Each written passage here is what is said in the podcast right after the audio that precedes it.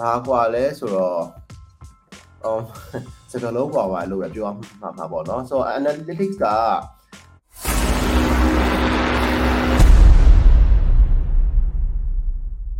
အဲ့တော့ analytics နဲ့ analytics နဲ့ insights နဲ့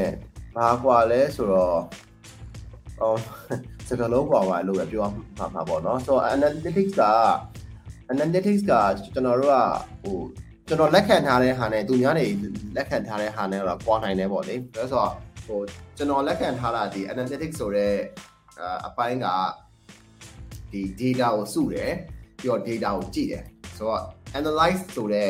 ဘက်ကနေလာတာပေါ့နော် data ကို analyze လုပ်တယ် data ကို data ဖတ်တယ်ပေါ့ကျွန်တော်သုံးတဲ့စကားအရဆိုလို့ရှိရင် data ကိုဖတ်တယ် in အဲ့တော့ကျွန်တော် data ဆိုတဲ့အခြေအနေမျိုးမှာပဲရှိသေးတယ်အဲ့တော့ insight ကကြတော့အဲ့ဒီ data ကိုကျွန်တော်တို့က အာဥပမာပြောမှဆိုလို့ရှိရင်ဗျာဟိုတည်င်းကျွန်းမှာဘာလို့ကြားမှာလဲဆိုတော့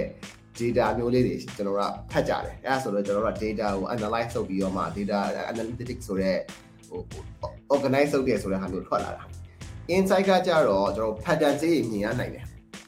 ဥပမာကျွန်တော်သတင်းကြော်တိုင်းမှာ Coca-Cola နဲ့ကတော့လေးရှိတယ်ဆိုတဲ့ဟာမျိုးကြတော့ဒါဒီ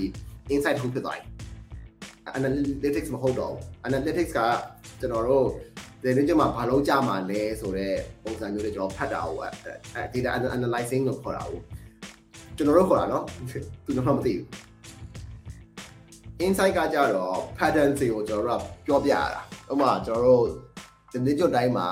မော်ဘုံနဲ့ကတော့တယ်ဒါဒီ pattern right တတင်းကျွတ်တိုင်းမှာကိုကျွန်တော်မုံမိုးနဲ့ကတော့နေကြတာ3 3 4 5နှစ်ရှိပြီတတင်းကျွတ်တွေမှာကျွန်တော် အိမ်ပြန်လို့အခက်အခဲရှိကြတယ်ဒါဒီ insights ဘာကြောင့်လဲဆိုတော့ကျွန်တော်တို့အဲကာလာမမရဘူးလို့ covid ဖြစ်နေတာတို့ဘာလို့ညညညတော့ပေါ့လေအခုလိုမျိုး political issues တွေဖြစ်နေတာတော့ဘာကြောင့်ဆိုလို့ရှိရင်ကအာဒါဒီကျွန်တော်တို့ပြောမှဆိုလို့ရှိရင် insight တစ်ခုဖြစ်သွားတယ်ဆိုတော့ကျွန်တော်တို့သုံးသက်တာတော့အဲ့ဒီနှစ်ခုကအဲ့လိုလိုကွာပါတယ်။ Okay ကျွန်တော်နောက်